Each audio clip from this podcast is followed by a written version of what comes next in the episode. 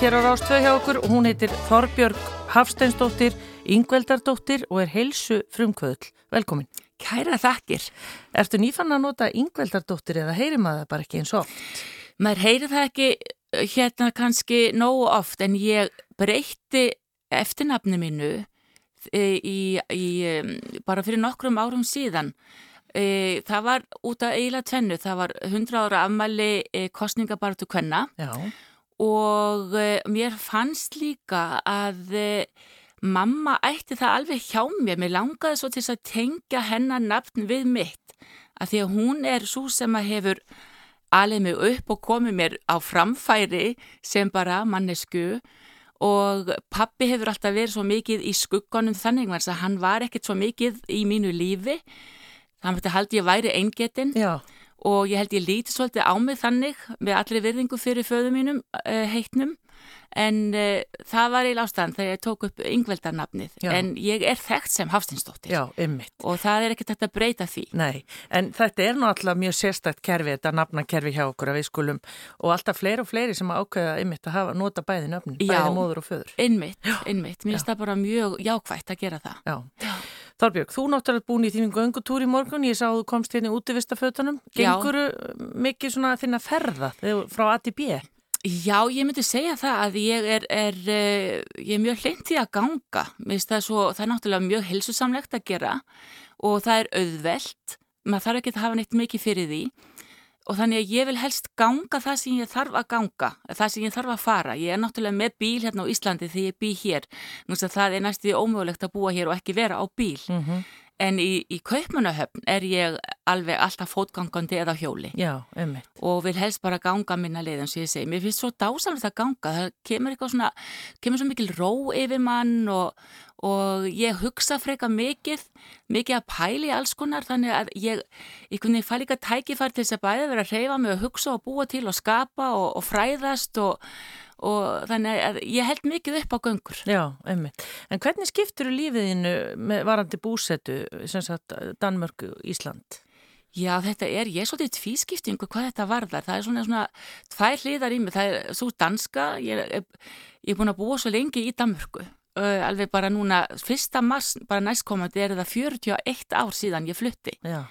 og sem er svolítið skelvelegt að hugsa hvað tímin í raun og veru líður rætt og ég var lengi fram, þá var ég bara í Danmörku, ég var ég var að ferðast mikið svona fyrstu árin og ég átti stelpunna mínar, ég á þrjá stelpunar fyrstu tvær komið til dæla fljótt, þannig ég var að, að sinna móðurhlutverkinu, sinna þeim og, og að vinna. Þannig ég kom vola lítið heim til Ísland svona fyrstu áran eftir ég flutti.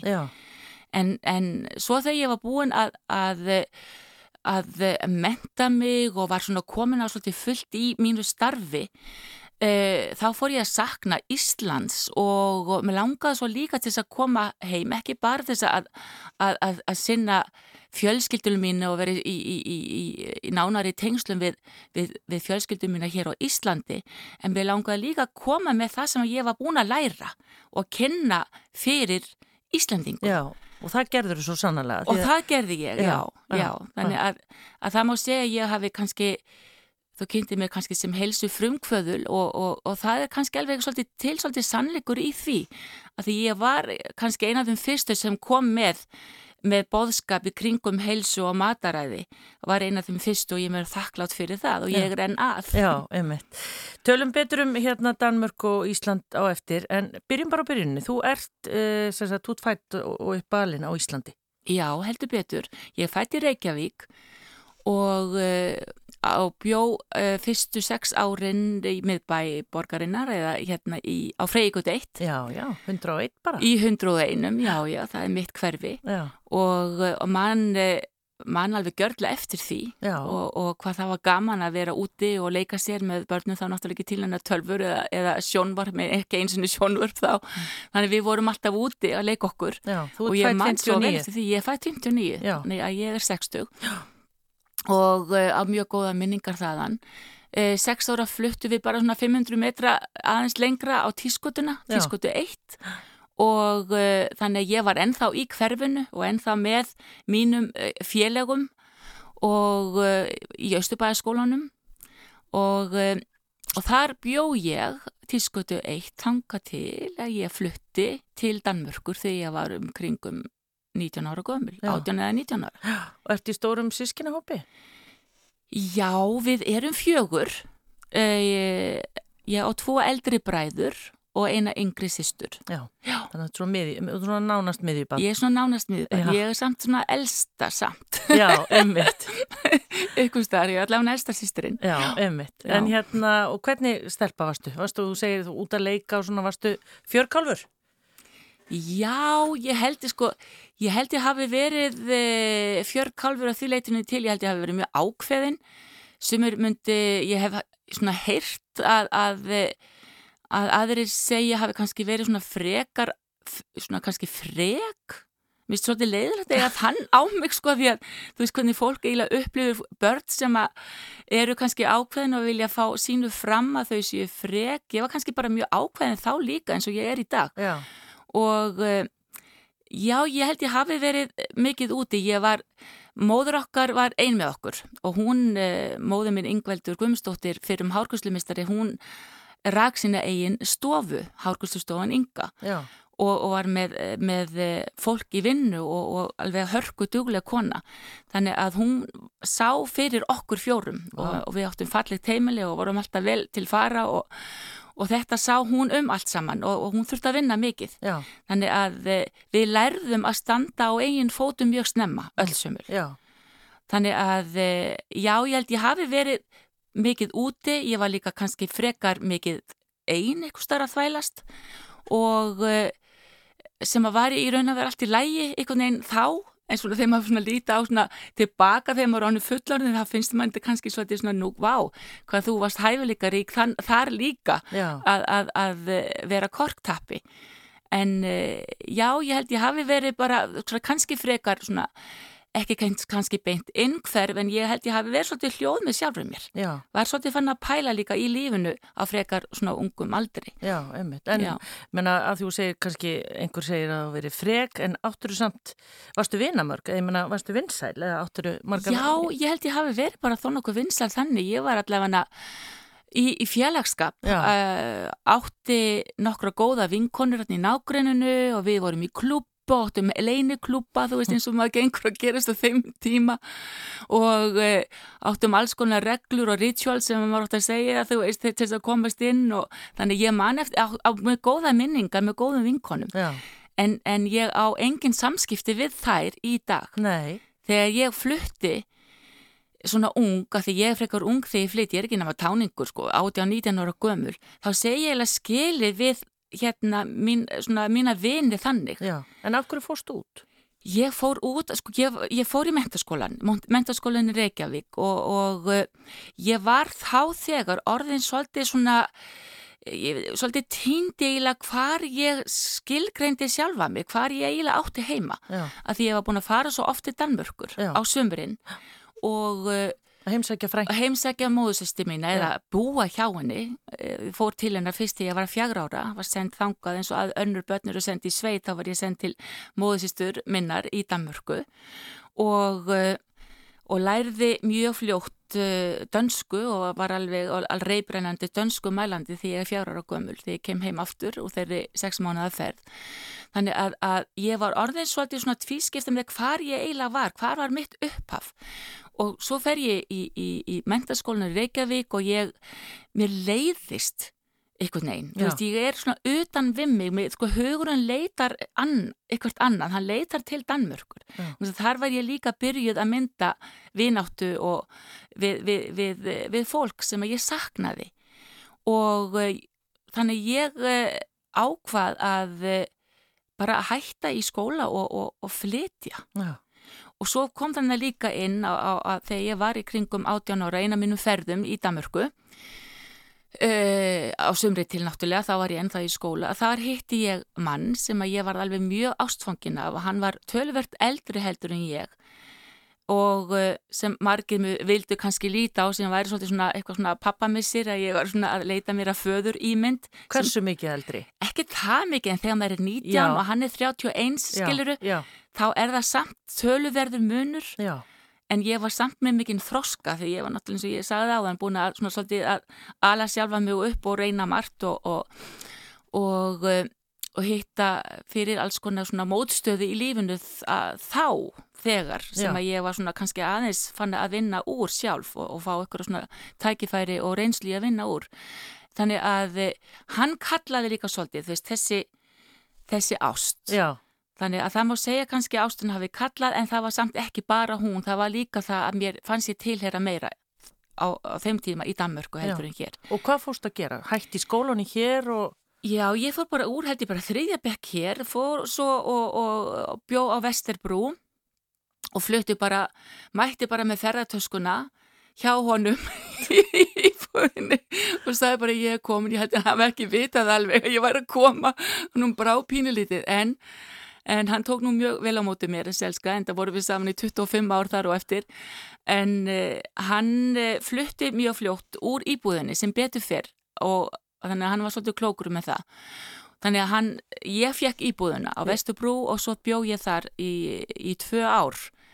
Og fór í skóla, kláraði stúdentinn í Danmörku og, og var svolítið að vinna bara með, ég var meðal annars var ég að kenna eh, innflytjendum, mestaliti tyrkneskum konum, það var mikið um, um innflytjendur sem voru að flytja til Danmarkur á þeim tíma, eh, Danmörk bauð þeim eins og þeim vantaði stafskraft og en þau kunna náttúrulega enga dönsku, þannig ég var eiginlega að kenna þeim dönsku. Já, já konanum, það náttúrulega mátti ekki vera neitt maður sem gerði það já, á þeim tíma. Já, og varst í því með skólanum? Já, ég já. var í því með skólanum. Já. og mér fannst þetta mjög gefandi og skemmtilegt starf að, að kynnast menninguna þennan hátt uh, þeirra menningu þar að segja. Uh, sérstaklega gefandi fyrir mig. Já, ég trú því. Og sem varði eiginlega til þess líka að að við ákvaðum ég og fyrirverandi maðurum minn þá, hann Jörgen, pappi stelpnana minna, að við ákvaðum að, að fara í ferðalag að því hann var líka að vinna sem kennari. Og við hefðum svo mikið áhuga á, á þessum, þessari menningu þannig við ákvaðum að ferðast til Marokko. Og fórum í, í, í svona frekar langt ferðalag, við ársferðalag. Gerðum upp gamlan Hannamakk-bíl Uh, sem líkist svona Volkswagen. Já. þú kannski kannast við Hannamvakken ég held að hann hafi verið svona, svona ljósbleikur. Og innréttuðum hann eins og húsbíl og kerðum í gegnum alla Evrópu og, og tókum mjög góðan tíma í það og lemtum svo í, í Norður-Afriku þar að segja í Marokko og, og þetta var heilt árferðalag? Þetta var næstuði árferðalag, já. já. Og þetta var alveg sérstaklega ég sko, ég, stúlka á mínum aldri og meira náttúrulega fyrir hann líka svona ungt fólka að, að, að koma í Marokko og það var eins og koma aftur í tíman 300 ár Já. því að allt var bara eins svo rosalega frumstætt og gamalt og, og fallegt og þetta var alveg dásalegu tími Já. og við, mjög spennandi og við ferðumst þarna í Marokko á Hannakmagnum og settum stað í ymsum bæjum og, og og vorum þarna í nokkra mánuði. Já, Já. þetta hefur náttúrulega reynt á sambandi svolítið, vera saman í... Já, en það helst nú samt. Ha, alveg ótrúlegt, en gerða það nú samt. Já, einmitt. Við hvað höfum við átt saman. Já, einmitt. en hérna, og, og voru þið þá búin að sapna fyrir þessu? Já. Já, já, við vorum búin að sapna, en var, þetta var ekkit dýrt ferðalag. Ég meina, það kostiði nú ekki mikið að búa í Marokko Og sofa í bílnum kostar ekki neitt. Og sofa í bílnum kostar ekki neitt þannig að við letum bara gera upp gamlan bíl og, veist, og bara heldum að stað. Þetta var bara, þú veist, umt fólk að bara fylgja sínu, sínu sko bara, þú veist, áhuga máli og bara sínu hjarta og bara leggja stað, ekki láta henni stoppa sig. Já. Við vorum ekki trættveitt eða neitt. Og þau hefur, hefur komið aðna síðan? Já, ég hef komið til Marokko tvísvarsinnum síðan og uh, Mér finnst eiginlega ekkert að hafa breyst. Ég segja það alveg svo. Þetta allir sem fara þetta. Já, þetta er alveg ótrúlegt. Það eru fleiri ferðamenn, ferðamenn heldur en voru þá. En ég fór síðast með, eh, ég heldur sér tvö ár síðan, þá fór ég með yngstu dóttu minni Já. og mér langaði til að líka sína henni staðina sem við höfum verið á, uh, uh, foreldri hennar og það var alveg sérstaklega skemmtilegt einhvern veginn að fara í svona smá pílagrimsferðala með henni á fornast lóðu Já. og hún var svo mikið líka að, fíla þetta sko. Já, skemmtilegt. Já. En svo komið þið heim aftur og þá, tók þá alvara lífsins við? Já, já, þannig sko við vorum eins, sko þetta ferðalag það gerði okkur frekar svona samhelt sko og því að kynnist maður hvort öðru veist að við lendum í alls konar aðstæðum ekki eins og segja þér þú veist alls konar aðstæðum sem að virkilega voru bara svo háð því að við myndum halda saman Já. og uh, sem Eitthvað við gerðum hættulegt eða? Já, líka svolítið hættulegt og, og það var sko það var meðal annars þá lendu við í einum bæ þar sem var mikið af svona, svona ungum hippalingum eins og við vorum á þeim tíma og og við komum eiginlega fyrst okkur fannst við svolítið eiga þetta, þetta, þetta litla sjáaþors sem við byggum í smá tíma en svo fylgist alltaf af, af ungum hippum frá frá, frá Þískalandi og frá Hollandi og fleiri löndum og, og, og þau voru kannski ekki endilega að haga sér neitt eins vel eins og við gerðum. Þannig það var gerð þannig að rassja eitt kvöldið og að bara, bara ráðist inn þá er brotin upp hurðin hjá okkur það sem áttum heim og þannig allt hennu stóðu tveir, þrýr bara hermenn með bissutnar á okkur. Já. og uh, ég var alveg, það var alveg ósko maðurinn minn setni, eða þú veist, hann var svo setni, setna meir maðurinn minn, en hann var alveg rosalega hrettur en ég, stelpu hlátan hérna frá Horströndum, ég allt í hennu kunna að tala reybrannandi frönsku Og, og bara róaði það og var búin að kippa upp svona líka smá svona glósum á arabísku þannig að, að það að taka því bara rólega og anda inn og anda út og bara bjóða þeim inn til okkar eins og hefð er í þessu landi sko þá býðum aður gesti inn og í tesópa og ég baði þeim bara að setjast niður og ég ætlaði að búa til handa þeim te og ég gæti sagt, þú veist, og róa þá Já. Þannig að á hjartaði mér það sló mjög hrætt á, á meðan þessu stóð en, en svo fór þetta allt saman vel en, en þetta var smá, Já. sko, þetta var svolítið svona En, en veist eitthvað hvers vegna allt í hennu þetta fólk þyrtist til þessa staðar eða var þetta bara eitthvað? Ég held að þeim hafa bara ekkit, þú veist, þau kunni ekkit við að þetta var frjálslind fólk og það var um, þú veist, strendurnar kannski bara í eitthvað fólk hafi verið ber, ber, stelpur berara ofan eða ofáklættar og maður verður náttúrulega að kunna að ferðast í svona löndum, ég kunni það mjög vel, ég var með, með mjög ljóst sítt hár á þessum tíma og passaði mig alltaf að hilja hári og verið með slæðu Ég leit aldrei í augun á karlmennu þegar við vorum að ganga. Ég var alltaf mjög, þú veist, klætt sem ekki var augrandi. Maður verður svona aðeins að meta aðstæðunar hvað maður er í þeirri menningu sem maður nú ferðast í og sem maður hefur, þetta kendi mér líka því ég ferðast í mörgum öðrum löndum líka síðan og, og maður verður að virða þá, merðingu, virðingu, virða þá menningu sem maður ferðast í. Já, og, og, og bara þá siði sem eru. En það hefur svolítið aðeins eitthvað hérna svoðu upp úr þarna hjá, já, hjá þeim. En allavega þegar við komum heim þá ákveðum við eitthvað stuttur setna að já, bara byrja að búa saman. Já, það var bara það. Ég er svona ansað að rifið þetta upp hvernig þetta var þessi lífslína hérna, tímalína. Já, og leiður og, honum þá að flytja inn í íbúðuna sína þá leiður hann að flytja inn í íbúðuna sína með mér. Og skömmu setna þá komum við bara, þú veist, 83 kom uh, fyrsta stelpan okkar Já. Ástalega 85 kom næsta stelpa Ída Björk og svo liði alveg 10 ár það, og þá kom síðasta, hún Telmapíl ekki fyrir 94 Já. og eru þær búsettar, hvar búa þær? Þær búa allar í Danmörk Já. Já, og hafa alltaf gert og eru mjög sennilega mjög, mjög, danskar sko frekar heldur en íslenskar þó er elski Ísland og komi hingað oft og þær eru íslenskir ríkisborgarar. Já, en, og, og talaður íslensku alveg? Nei, nei. það gera það ekki því miður og ég, ég er svo, svolítið skömmustileg þegar ég segi nei, en ég verð nú bara að, að, að viðkynna það, ég var ekki drosalega dugleg við að tala íslensku við þar. Ég var sjálf ykkur eins og dönsk. Já. Þá og ég var ekki búin að finna gildið í því að, að þar, það var ég svolítið óþrosku kannski á þeim tíma. Ég var ekki búin að finna gildið í að, að koma þess, að, að, að kenna þeim íslenskuna. Mm. en, en uh, þær tóku nú he, sko málið sinna eigin hendur sjálfar. Og uh, elstadóttur mín ástæðlega hún kom hingað til Íslands þegar hún var 18 ára.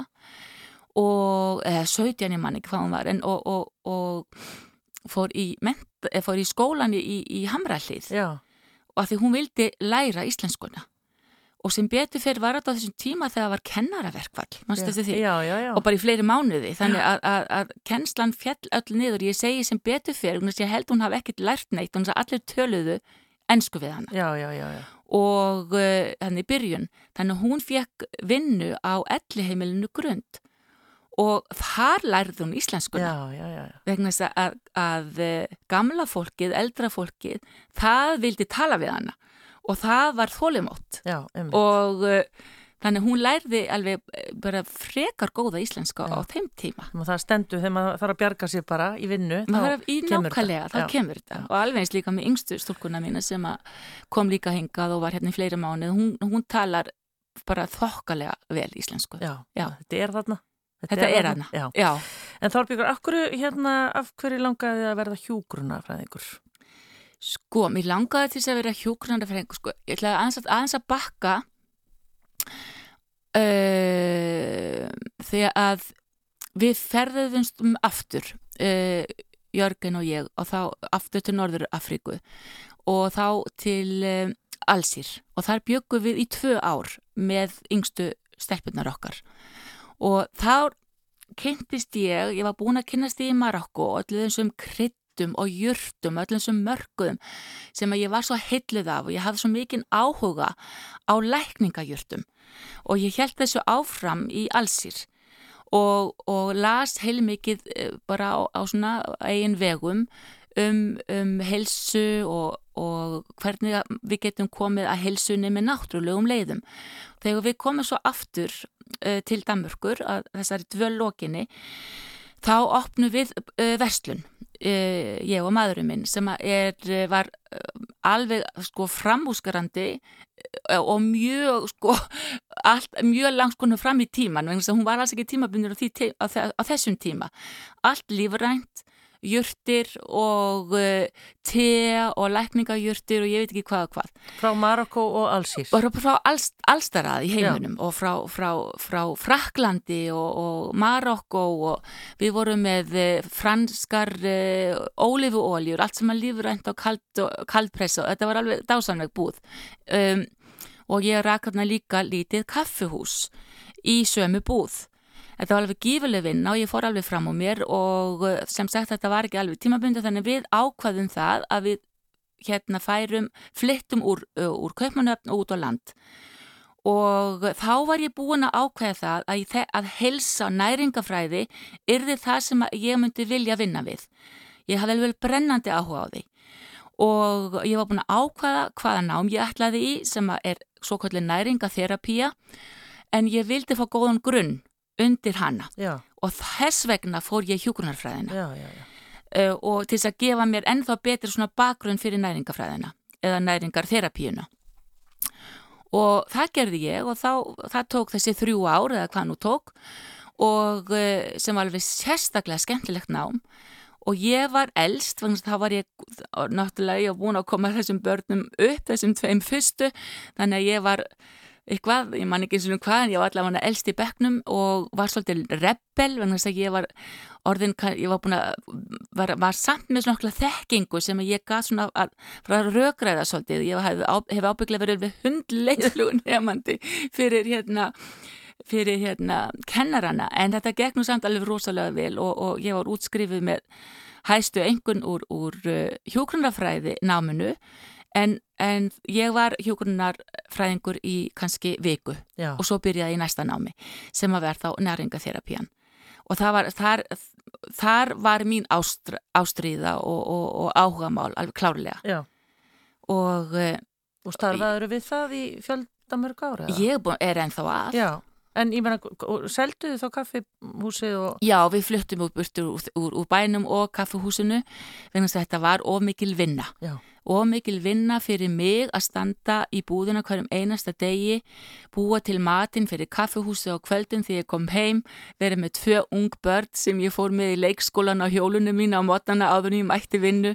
Þetta var mér ofviða. Já, og við áttum heima á Vestubrú en þá í gamli íbúðinni og þeim tíma var þetta hverfi frekar frekar sko eh, ljótt hverfi þetta var, en, þetta var áður en, en, en það tekið var til þarna, það var mikið af eiturlifjum og eiturlifja neytendum út um allt og þegar yngsta stúlkan mín, hún Íta, kom með notaða spröytu þessum nálinn ennþá var í Já. og hún var svona næst nýfarn að ganga þannig hún hefði getað dottið á spröytuna þá, þá var mér nóbóðið og Já. okkur báðum þannig þá ákveðum við að nú förum við í, út á land. Já. Og fóruð bara út í sveit? Við fórum út í sveit. Já. Við fluttum alveg hérna til Söður Sjálands uh, á Stems sem er bara út á landi alveg ótrúlega fallegu staður og þar áttu við heima í nokkur ár og stelpunnar eh, byrjuði í sínum skóla þar Og starfaði hann þá sem kennari? Og, og hann starfaði sem kennari þar Já, já, já. og var líka ennþá að eh, hérna starfa sem uh, kennari fyrir innflytjendur uh, málakennari eða tungumálakennari og setna með þá opnaði hann einn virtasta tungumálaskóla fyrir innflytjendur í Kaupmannahöfn. Já, já, já. Já. En Þorbjörg, var hún bara, varstu hérna, tókstu fólk heim í, í, í, í svona næringar ráðgjöf eða varstu, hvar við, Sko, á meðan ég, við byggum hann í sveitinni, þá var ég að, þá var ég í hjúgrunarfræði náminu og svo var, byrjaði ég í þerapíinu, það er sér næringaþerapíu, en engsterapi heitir það á dönsku og, það, og, og það nám var í Kaupnöfn. Þannig að þetta var rosalega mikil kessla að fara í námið, alveg þetta eru fleiri, fleiri 20 kílometrar og, og svo og keira aftur heim. Eh, Svo verð ég eh, 94, 93 er ég ófrisk af telmu minni, píl. Og eh, þá var ég búin að fá nóg að því að vera að búa út á landi. Búin að fá nóg að því að þú vera... vilt ekkert gera neitt voðalega lengi Nei. það sama. Nei, Nei. þetta að skinja það svolítið hjá mér? Það er svolítið þannig. Og ég var búin að fá nóga því að vera með hænsnin og að, þá var ég búin að prófa það að byggja minn einn hænsnakofa og vera með kaninutnar og vera með alla kettina og þessi litlu börn og, og, og stelpunnar í skólanum og þú veist, og, náttúrulega þá þurftum bara að keira þær út um allt að við, þetta var svolítið afstætt þar sem við áttum heima. Og ég, fekk eiginlega svolítið nóga því. Þannig að ég fór á stúfana og há bara ófrísk hérna sí- síðsumarið áður en ég átti hana svo í, já, í november fór ég á stúfana og fór til, á, til Sjálands aftur, þar sé að Norður Sjáland, Norður fyrir Kaupmannahöfn, til þess að finna hús fyrir okkur.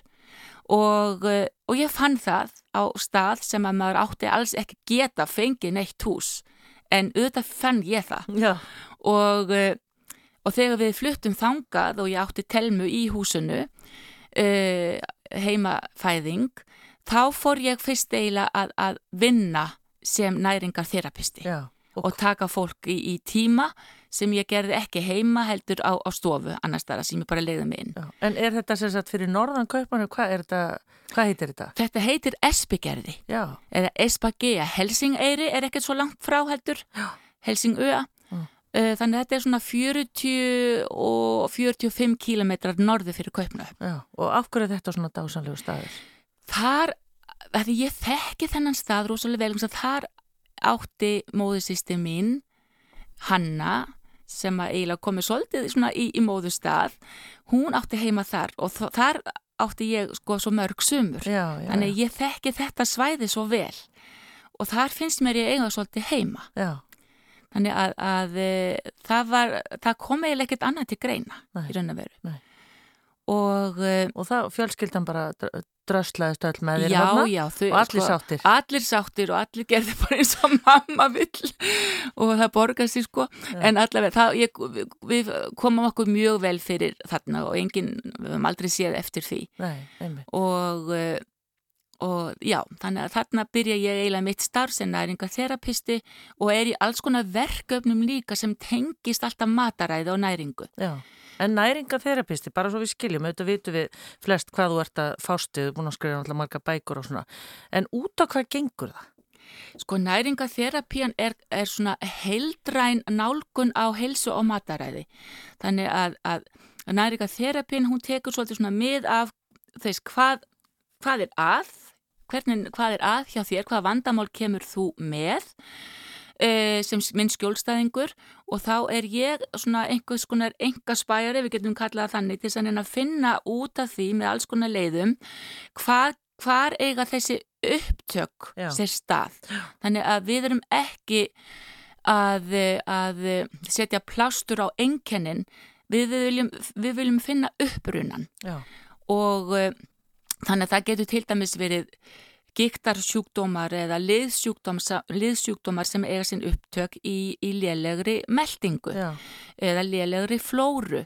E, Mígrenni getur átt veist, sín upptök að reykja til hormonabúskap sem þarf þá að laga e, og, og svo, áfram, og svo framvegs. Þannig að við, þetta er svona meira svona heldræn nálgun á því að það, þess, það sem að, að, að spilar inn líkamlegt, andlegt, sálalegt, félagslegt og það er svo margir þættir sem að skilgreina hvernig okkur líður, ekki satt. Já, ummitt. Þannig við erum að, erum að reyna að leysa gátuna út frá öllum sjónamiðum Já. og taka tillit til alls. Já. Ekki ég... bara einkennana, líkamlegu einkennana. Nei, og ég sé að Þorbjörg blómstrar alveg þegar hún byrjar að tala um þetta. Já, hérna, ekki. Þú má taka smá Hlið hérna fá nokkra ölsingar og höldum áfram. Hún er gestur minn hérna um Þórbjörg Hafsteinsdóttir, Yngveldardóttir en því þekkjum hann nú flest sem Þórbjörg Hafsteinsdóttir. Því að hún er gestur minn hér um Þórbjörg Hafsteinsdóttir og við erum að svona, já, hendast yfir lífið og starfið og þú þarf tundum að klóra þér í höstum til að muna hérna hvað hva, hva var næst. Ég er ekki svo minnu kannski. Nei. En þá fikk mér langar að segja að því þú hefur starfað náttúrulega sko, svo mikið bæði náttúrulega lengst af í Danmarku og svo kemur til Ísland svolítið svona eins og bara stormsveipur hérna fyrir hvað mörgum árum síðan þegar hérna þegar fyrsta bókin er þitt hérna. Hvað er það ár? Er það ekki 2008? Já, það er skemmtilega ár. Já, það er skemmtilega ár. Já. Já. Einmitt. Og er það, er það barnabókin eða? Skrifa, hef ég skrifað barnabók? Nei, býtu ekki barnabók heldur. En ég mun, sko, mun virkilega fara að pæli að skrifa barnabók Nei, býtu, fyrsta bókin. Já. Nei, það er tíurum yngra og tíu vikum. Já, tíurum Já, það er bókin sem að sló í gegn, sko, já. í Damurku 2007 Já. Og þetta er svona fyrsta barnið mitt, eða þú veist, fyrsta bókabarnið mitt. Já, þess vegna sagði ég barnabók. Ég veit það, ég veit það, ég veit alveg en, þú varst að fara, ég var bara snútur. En, en þessi bók þín, sko, þú, það, hún vakti svo miklu aðtökli af því að þú einhvern veginn lagðir því allar svona einhvern veginn í þetta. Það vissi einhvern veginn allir, hæ? Já, veistu, það er kannski alveg rétt, ég lagði mig allar í þessa bók og þú, hún var svolítið persónalið líka. Já, já af því að ég var bara að opna mig með alls konar hluti í bókinni og svona mína reynslu og, og svona en, en, en samt að tala við konur. Eins og ég er eiginlega alltaf að gera í öllum mínum bókum þá er ég að tala við konur og svo, svo er ég svo, kannski svona mis, sko, aldurinn á konanu sem ég er að tala við hann breytist svolítið eftir því sem ég verð eldri. Já. ég held ég sé að tala við konu núna sem eru allavega svona pluss 48 Já. en þegar ég byrjaði var ég kannski að tala við konu sem voru pluss 35 en, en, en tíurum yngur kom út hér að 2008 var þitt úr dönsku. Já, og hvað, hvað er þetta? Tíu árum yngri á tíu vikum? Já, þetta er, þetta er bara prógram, þetta er bara alveg, bara, bara alveg pott þétt uh, prógram til þess að, að yngja sig upp, þú veist, og yngja upp allan líkamann. Mm og þegar bókin kom út á sínu tíma í Danmörku þá var nú pínildi fjadra fók vegna þess að þetta var eitthvað sem ekki fjall í krami hjá, hjá hérna, að, að, sérstaklega vinstri sinniðum uh, konum þó ég kannski sé eina þeim en allavega vegna þess að þeim fannst þetta að vera það er miskildu konsepti þú veist án þess að lesa bókin eins og það væri einhver útlitsdyrkun í gangi já, hér já, já. sem var alls ekki útliti var bara bónus að því að þegar maður kannski tekur á mataræðinu og fara að breyta eh, alls konar sem er að gerast innramennmanni sem ekki er að virka nógu vel og fyrir að taka á mataræðinu og minka bólgumyndun í líkamannum þá gerast náttúrulega góði hlutir og, og húð og útlitt hérna endur spekla það. Mm. Og hafður þú reyndið þetta á eigin skinni? Já, þetta hafði ég reyndið á eigin skinni og, og, og þetta var ég búin að hafa mikinn áhuga á e, áður náttúrulega að ég skrifaði bókina Já. og búin að starfa svo lengi og, og tala við konur og, og hafa konur anspænis mér í, í enga tímum og, og þekkti og búin að kynast þeim svo vel það er komað til minn allar með ykkur vandamál ekki satt Já. það leita til minn með ykkur heilsu, heilsusamlegt vandamál þannig að ég var farin að geta lesið þar bara um, þar, um leið að setjast í stólinn þá veit ég hvað þær vilja segja mér hvað er aðeins, ég get bara farin að lesa húðina, lesa líkamann, lesa í augunum, lesa bara í attitúdinu, þannig ég var næstu því fann að greina þar um leið að það settust í stólinn. Mm. Að, og það sem að, að konur vilja og vilja ennþanda í dag, það, það hefur ekkert breyst neitt rosalega mikið. Þar vilja vera í góðu jafnvægi, líkamlegu og, og andlegu jafnvægi, uh, þær vilja fá meiri orgu, þær vilja sofa betur og þær vilja vera gladari og, og, og og það gerur ekkert til að það líti aðeins betur út. Nei, einmitt. En, en, en þessi gaggríni, var þetta, var þetta bæði í Danmörku og Íslandi? Þú segir vinstri, svona vinstri sinna? Það var nú kannski mest í Danmörku. Já. Já, við erum miklu kannski svona frjálslindari hérna heima með það, ég held að við sem ekki þetta miskilja, en það held ég, held ég að, en það sem að, að var alveg e, svolítið erfitt í, bá, í bæði í Danmörku og Íslandi, það var um að þetta var bók sem að, að teku svolítið mikið á sigri, ekki satt og ég er þarna með boðskapum að sigurinn sé bara eitur og hann mun bara eiðalegja allt. Viðbættur sigur, salgæti, hreitt sigur, allt þetta bara og gós að þetta væri bara ekki manna matur sem að náttúrulega er alveg rétt og við vitum það öll í dag. Allir eru sammálum það, allir sérfræðingar, allir eru sammálum það en á þessum tíma þá var þetta freka rótækt Já.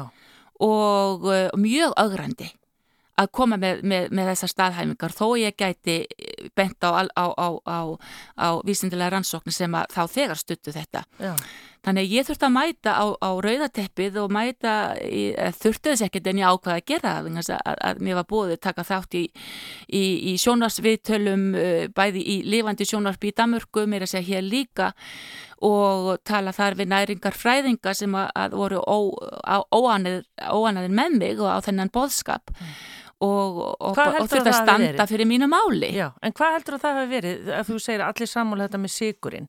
Ístu, en... það, það er bara alveg ótrúlegt að, að, að eh, hvað það eiginlega var. Kanski var þetta bara svo mikil, eh, kannski var ykkur hluti að þessu öfund kannski var ykkur eh, hluti að þessu að e, það var til dæmis í Damorku þar voru sérfræðingar sem áttu svolítinn djúban vasa hjá sigurframlandum ekki satt? Mm. og það borgaði sér ekki fyrir það að þeir voru öndvarðum eigði og segðu þess að sigurinn væri óhættulegur.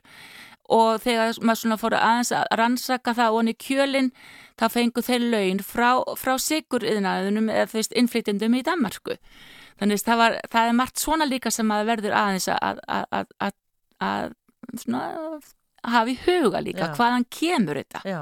ekki satt. En, en nú, þú bara, því áhverst að tala um þetta, hvað, munurinn til dæmis á mataræði í Danmörku og Íslandi, er, er það mikið?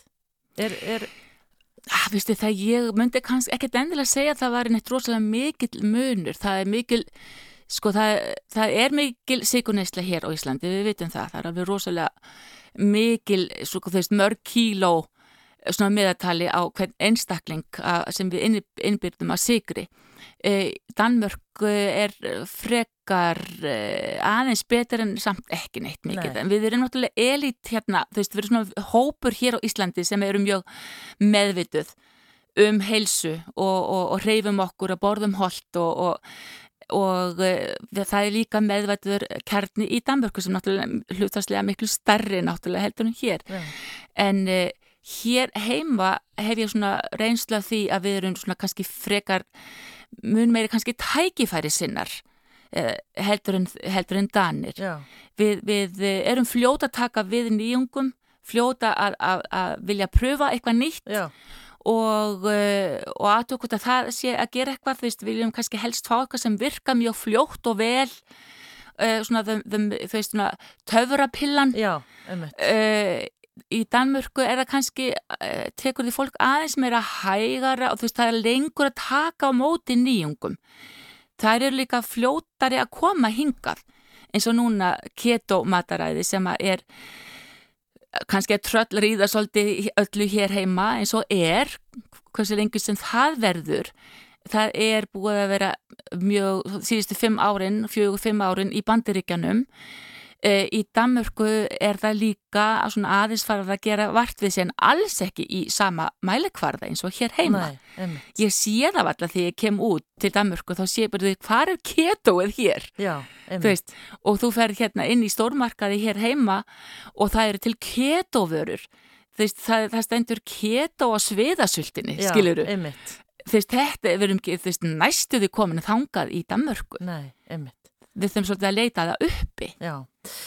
Aðeins aftur að þér, þegar að hérna, bókinn kemur út á Íslandi, hérna 2008, ertu þá skilin við basföðin eða af því þú segist að það er svolítið persónileg, þú stýgur hérna fram, ertu, er þetta þá nýja Þorbjörg sem kom þarna? Já, eiginlega sko, ég, sko, ég skil við mannin minn, fadir stelpnana minna, hvenar gerði ég það eiginlega? Já. Hvenar er ég svona kringum 43 ára? Er ég það 2001 eitthvað svo leiðist, 2002? Já þú veist, eitthvað þannig já. og uh, þá já, þá yfirgef ég hann og sem bara varð að gerast, að því við vorum farin svo mikið í sittkvara áttinu svo gengur að gerast, gerist en uh, bara flýta mér að koma því að að við erum alveg bestu vinir í dag og það gerðist tiltúrlega fljótt. En þegar ég skildi þá var ég samt með mjög vonda samveskuð við því að fara að því að við áttum svo langa söga baki, 25 ár er, er, er heilt líf og, eh, og heilmikil saga. Þannig að ég var með vonda samvinsku þannig ég ákvað bara að fara og að skilja allt eftir. Þannig ég fór eiginlega slipp og snauð. Já, til bara flutti í næstu íbúð sko. Já, eða þannig, já. ég flutti, flutti ekki mjög langt í burtu þess að yngsta stúlkan okkar var á því, hún var nýjárað og, og, og við, hún var svona deilibarn, segir maður það á íslensku, skiptibarn. Sameilegt forræði Sameilegt forræði, vika hjá mér, vika hjá honum og sjálfsögðu þá flutti ég ekki langt í burtu þannig að hún gætt eh, verið náttúrulega í sama skóla og sama vinn hjá sömu, sömu vinn og allt það. Og En, en ég fór, eins og ég segi, allslaus. Ég tók með mig lampa og borð og stól og tölfuna mína og svo bara byrjaði ég på nýtt. Og þá lendi ég svolítið í svolítið limbói með það að nú þurfti ég nú aldrei að fara að sjá fyrir sjálfur mér en þetta var svo mikið öryggi að eiga mann og eh, fjárhagslegt öryggi líka, ekki satt. Já. Þannig að þetta var alveg nýr kabli nú hef ég alltaf verið mjög sjálfstæð og þarna þurft ég ver, verulega á því að halda að, að fara að virka sjálfstæðina í mér og, og, og bara þú veist þennan bara þú veist að, að, að höndla sem ég á að gerði og þess vegna var þessi bók til já, já, já. og að því að ég skrifaði greinar í blöðin í Danmörku og, og um ymmið þetta að eldast eh, á náttúrulegan hátt og þetta var svo nýtt efni sem að, að, að e, stærsta útgáða Danmarkur á þeim tíma, eða eina af þeim stærstu politík en hún, þau hafði samband og spurði hvort ég vildi ekki skrifa bók Já. og þannig var þessi bók til Já. og ég átti mjög auðvelt með að skrifa hana að því að ég var á þessum stað sem ég var og ég var með svo þá þegar svo mikla þekking og reynslu Þannig að hún skrifaði þessi næstuði sjálf. Já, einmitt. Og þú stóðst á hérna, eigin uh, fótum ég og hefur gert síðan. Fótum, og ég hef gert síðan, já. algjörlega. Veist, þannig að, að eh, þannig byrjar eiginlega mitt, svona, kannski kann, getur við sagt sjálfstæða líð þegar ég er 40 og, og 30 ára gömul og, og, eh, öll, og bara hef séð um mig sjálf. Já, og ertu bara einn í dag? Áttu? Já, já, ég er bara einn í dag. Það já. hafa verið kannski tveir eða eitthvað, þú veist, á leiðinni síðan. En En, en, en ég er einun og ég bara kann alveg ágætlega við það þó ég sé alls, alls ekkert að útiloka að ég muni hva, þú veist, hleypa ykkurum inn Nei. Að ykkurum tímamótum Já, það kemur veist. bara í ljós Það kemur bara í ljós Já. En hvernig skiptur þú, ég meina, hvað hva, ertu við veturinn á Íslandi eða er þetta bara svona svolítið handáskent hjá þér? Já, þetta er svona svolítið fram og tilbaka eh, ég er nú reynda búin að vera meira hér heima á Íslandi heldur en í Danmörku síðustu 2-3 árin Uh, bara svona vegna aðstæðina vegna vinnu og það hefur verið mikið að gera hérna hjá mér. Ég var viðal annars í verkefni sem að, að, að það sem ég kom að veitingarekstri uh, og það, hann tók allan minn tíma þannig það var eiginlega ekkert í bóði að vera að fljúa neitt veist, fram og tilbaka. En samt svolítið hættulegt sko þegar líti í bakspeilin að það var veist fest mig í þannig vinnu sem tók allan minn tíma og allan, allan mína orgu frá eiginlega þú veist kjarnanum mínum og, og, og, og líka vinnukjarnanum af því að vinnukjarnin minn er ekki að, að, að, að vera veitinga eða rekar veitingahús Nei. alls ekki Nei. minn kjarni og það sem ég er best það er að kenna fólki að fá betri helsu og, öðlast betri helsu og, og þykja aðeins vætnum sjálfan sig ja. og, og uh, kenna. Þar, þar finn ég mig svo vel og skrifa bækur. Og þú ert í því í dag? Já, Já. ég er nú snúin aftur. Já, einmitt. Bara að kjarnanum. Já, nýjasta bókin, hún er einmitt talandu um keto, er það ekki? Þetta er Jú. keto þrýr, nefnum hvað heitir hún aftur? Hún heitir Ketoflex 331. Já. Já. Sem þýðir ef það eru sjö dagar í vikunni? Já, nákvæmlega, þú ert alveg, alveg búin að rekna þetta út. Því ég var indi að hugsa, þess, hvað allir fólk hugsi þegar þess ketoflex, hvað, hvað hugsar fólk þá, hvað kemur upp í huga? Já. En, en ketoflexið er emitt, sko, býður upp á möguleika að flexa. Og ég veit þetta er útlenskt orð, en þetta er sveianleiki. Eh, það sem að sveianleikin er meiri í vali á kolvetnanum Eh, þar að segja á grammetinu og jafnvel mjöli líka. Eh, þannig að eh, í þrjá daga ertu frekar á ströngumataræði og, og þrjá daga þá er, er sveianleikin, þar sem þú getur hlaðið líkamann með meira kolvetnum og einn dagur þar sem er, ég kalla frjálsandag, þar sem þú getur bara let go. Já, Já. Nammi, nammi og allt. Sko ef þið langar í það. Já. Já. Já. En mín reynsla er nú samt svo Að, að þegar maður er komin þanga, maður er veist, búin að fylgja, í bókin er svona, er svona fjagra vikna prógram Já.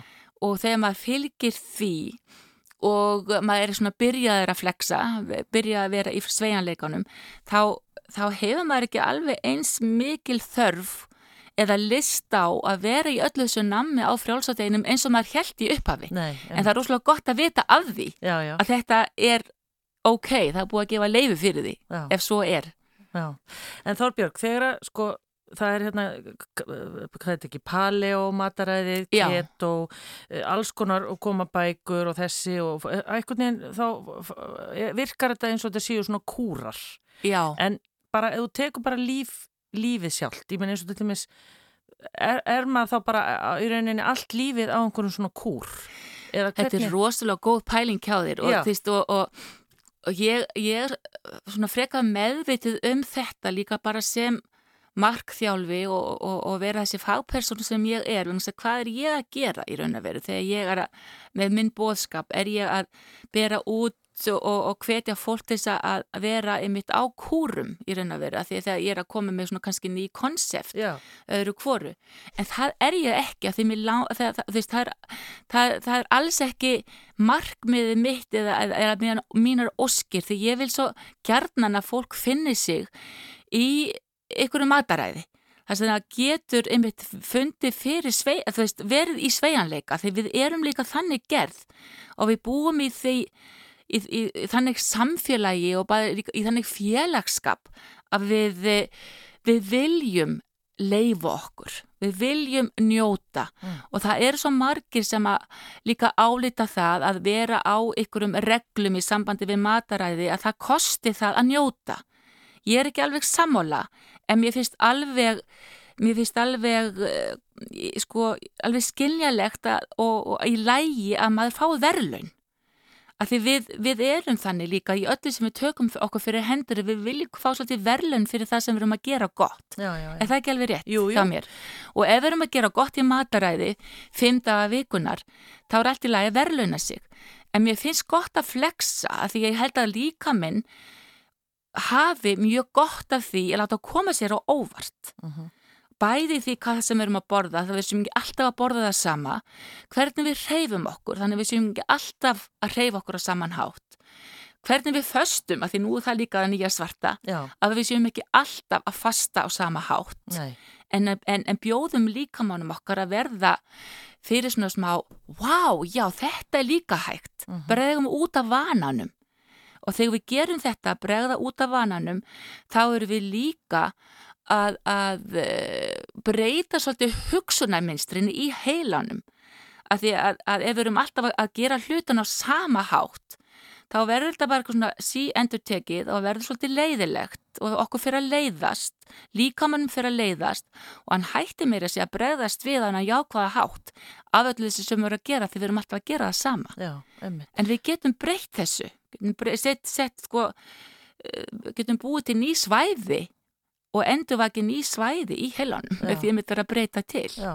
og keto sko, fyrst fannst mann þetta að vera þannig að það var bara bacon og egg í öll mál og svona. svo hefur þetta einhvern veginn breyst. Það var einhvern veginn fyrst allir einhvern veginn. Já, En það er nefnilega svolítið miskilingur með þetta, með þetta beikon og, sko, og, og, og ég man það, ég var fyrir smá árást þegar ég fór eitthvað að hallmæla beikon eins og það væri bara, þú veist, aðal ket og maturinn, það væri bara beikon, en, en þú veist, ég held að beikon með maður bara setja í frjálsata, ekki satt, og bara, þú veist, njóttu, já. en að vera að borða beikon okkur um einasta degi, menn það er náttúrulega fráleitt og sérstaklega þegar maður er að borða beikon frá svínu sem hafa verið alin á fóðuri sem að þau eru alls ekkert þú veist, uh, þú veist hönnu til þess að borða, þú veist hvaða feitu tegund eru við þá í raun að vera að borða? Já bara ógeðsfelt. Færðu þú þér, þú komst hérna með hérna karmelu sem þú bjóst til. Já. Uh, Færðu þér hérna þetta er náttúrulega bara til þess að svala er það ekki svona þessari sætu löngun eða hvað? Jú, þetta er bara svona til þess að svala bæði uh, sætu löngun og kannski líka til þess að fylla upp í svona smá uh, svona milli bita sem að, að mér finnst alveg eðlilegt með ég vera svolítið góðir. Já og ég er með svo uh, góðar uppskriftir í bókinni Ketoflex af, af líka það sem að maður tengir einmitt við þetta að njóta mm -hmm. þó mhm. mér, mér langar til að við njótum þess að borða hvað sem er ef að maturinn er bræðgóður en, en, en að njóta, fá sér trít uh, karmelur þú veist smjörkarmelur eða ostakökur eða súkulæðukökur þú veist þetta er allt saman leift á Ketoflexi ef maður hérna velur rétt að ráefni til þess að búa þetta til úr. Já, allar að baka ketoflex bollur. Já, ketoflex bollur. Það eru ekki margir að borða bollur akkurat í dag. Já, heyrðu þú segir, er, er það þannig dagur? Sko, bolludagurinn er á morgun. Oh my god, heyrðu ég verða að strax að fara að pæli því þegar ég kem heim og eftir. Já, en hvað, bara, hvað myndur, hvernig myndur þú gera hana? Ég myndi bara búa til Uh, þú veist, sjálft brauðið ketoból, það myndi ég búa til úr eða brauðið, þú veist, hérna, sjálf bolluna myndi ég bara búa til úr úr möndlumjöli kókosmjöli pínleitið af trefjum frá fræblöndu. Ég myndi hafa í þessu egg ég myndi hafa í þessu uh, stefi eða eritritról svo kallaðan sigur sætu efni vanilu, vanilu duft ég myndi sjálfsagt hafa egg í þessu til að setja þetta allt saman og búið til bollur og skella það síðan í opn og svo náttúrulega er bara þeittur jómi og, og sigurlega sulta með þessu. Já, máli, eða eitthvað svo leiðis og málið er dögt og málið er dögt, nákvæmlega. Þarbjörg, takk fyrir komina í Sundasugur Hæra þakkir að bjóða mér. Já, og takk fyrir hérna einlagnina. Ertu bara bjart sín í framtíðina? Algjörlega, ég er eiginlega alltaf bjart sín það er engin ástæð til þess að vera annað held ég ég meina þú veist það er svo fullt af alls konar málum sem við getum farið að bögja okkur með að sé eitthvað ræðilegt að fara að ske. En hvert förum við þá ef við lendum þar? Já. við erum bara bjart sín og halda góðri helsu halda góðri helsu nummer eitt. Já. Takk fyrir komuna Þorbjörg. Kæra þakkir.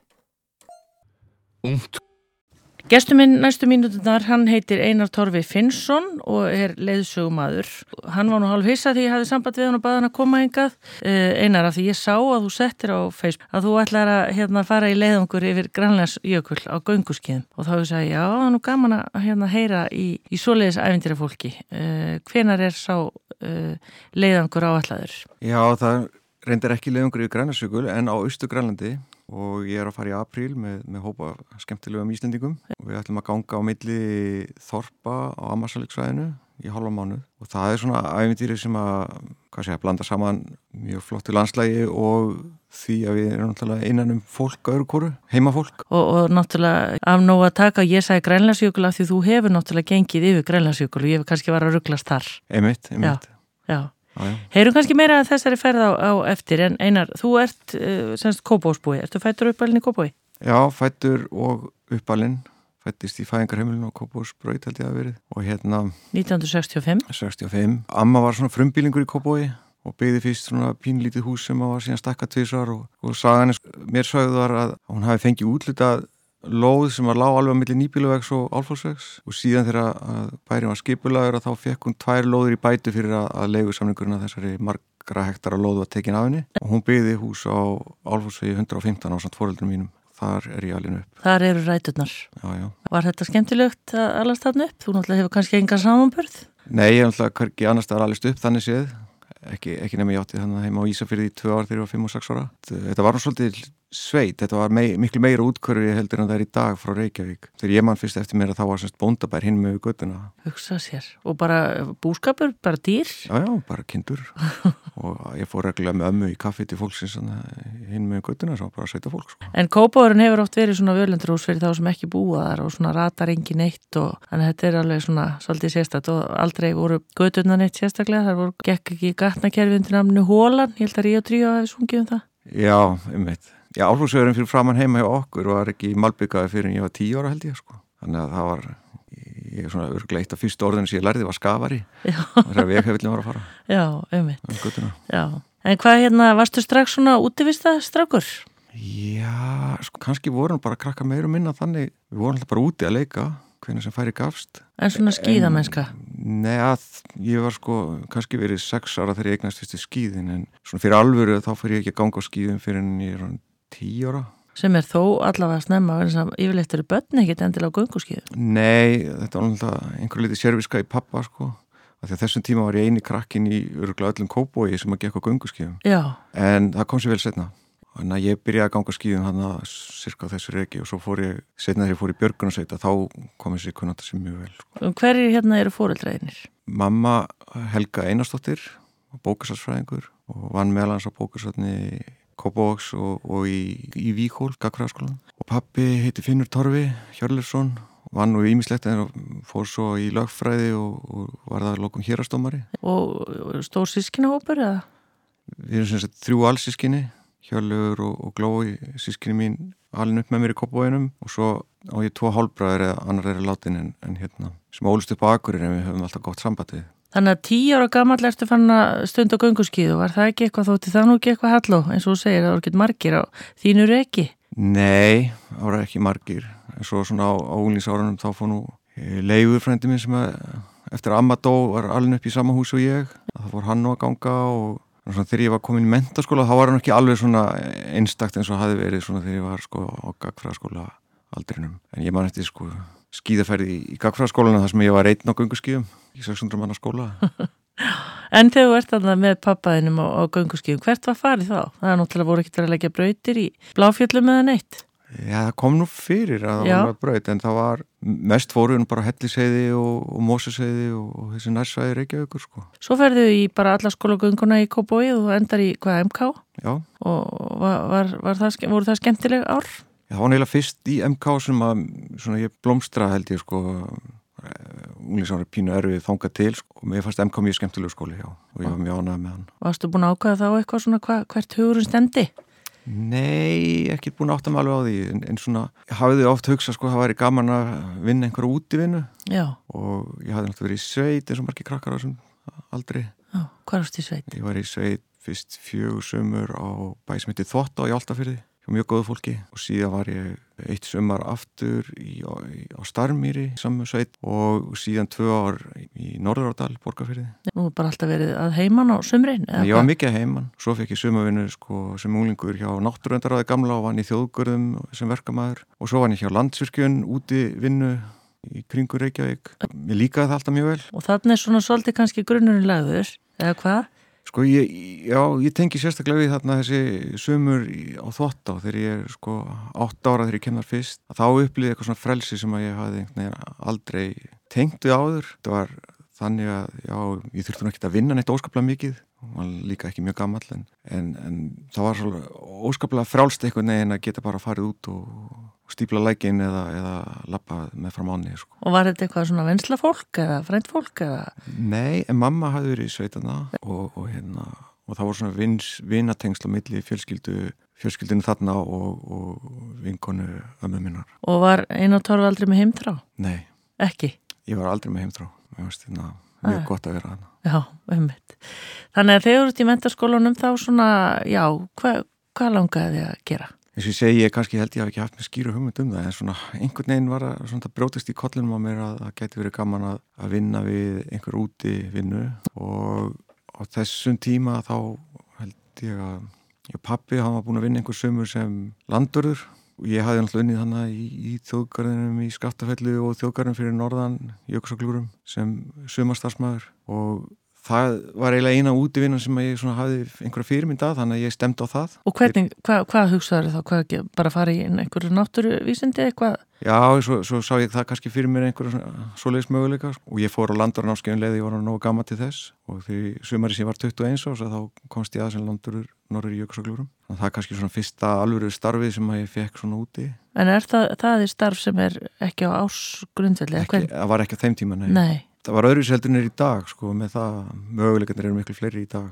Hverju voru koma þá og gista? Var það var náttúrulega ekki nærri eins mikið um útlendinga eða? Nei, það var svona eins og í jöksaglúrum, ég var náttúrulega mest í, í sko Vestudal hjá hljóðaklettum að vinna þessi sumur sem ég var þar. Þetta voru náttúrulega bæði útlendingar og svo svolítið íslendingar um helgar og svona íslendingar í laungu sumafríi inn á milli en þetta var allt öðruvísi heldunir í dag sko. Og ekki komin þessi bara miðstöð sem þarna er núna, bara ótrúlegur fjöldi fólks Nei, og svo, svo var ég náttúrulega hann að byrjaði átján ári í flugbyrgunarsveitinni Hvað var það? Hvernig, hvernig byrjaði maður í því?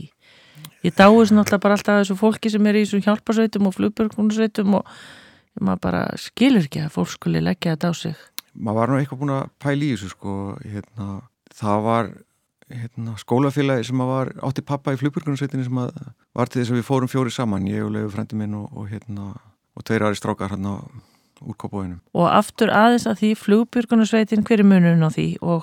Það er í raun og bara önnur björgunarsveitin, hún staðsitt í Reykjavík við Reykjavík og flugvall og flugvall á veginum og, og var þá í tveimu bröggum nýri í Nautósvík og svo voru hjálparsetti skáta og, og slísvarndeldir bæði í, í hverju sveitafélagi en flugbjörgunarsveitin var eina svona flugbjörgunarsveitin á höfuborgarsæðinu. Já, en að því þetta heitir flugbjörgun? Já, hún verður til út af því að, sagt, að þegar geysir fórst á vatnajökli 1950 að þá í raun vandaði svona björgunarsveitir og, og upp úr því slísi voru stopnað nokkra flugbjörgunarsveitir um allt land. Sumar setna breytist í, í annað, einn breytist í slísvarnadeild og svo voru nokkra sveitir sem heldu þessu nafni og flugbjörgunarsveitin Reykjavík var svona stærsta eh, sveitin eðlilega stödd á höfuborgarsvæðinu í því. Já. og hún er stopnið sérst 1950 og hana, hún á 70 ára amæli á þess ári. Já, já, en hérna og var þetta þá bara, hvað ég var að segja lífstíl og fórst að starfa eitthvað við þetta meira eða?